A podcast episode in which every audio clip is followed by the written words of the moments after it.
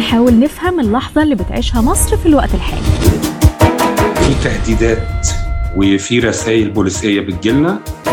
هنحاول نفتح طاقة نور. مفيش سيادة قانون والدولة هي اللي بتنتهك القانون أو جهاز الأمن الوطني. نتكلم علشان نفهم وكمان نتفاهم. تراجع في القيمة الحقيقية للإنفاق على التعليم والإنفاق على الصحة والإنفاق على الخدمات الاجتماعية.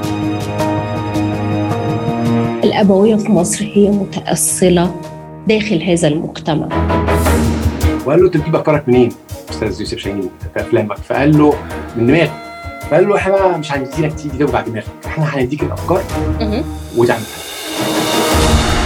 وكل واحد من ولادي في لحظة ندها نبات أنا سلافة مجدي بحييكم في الموسم الثالث من بودكاست 11 من إنتاج مؤسسة وومن فور جاستس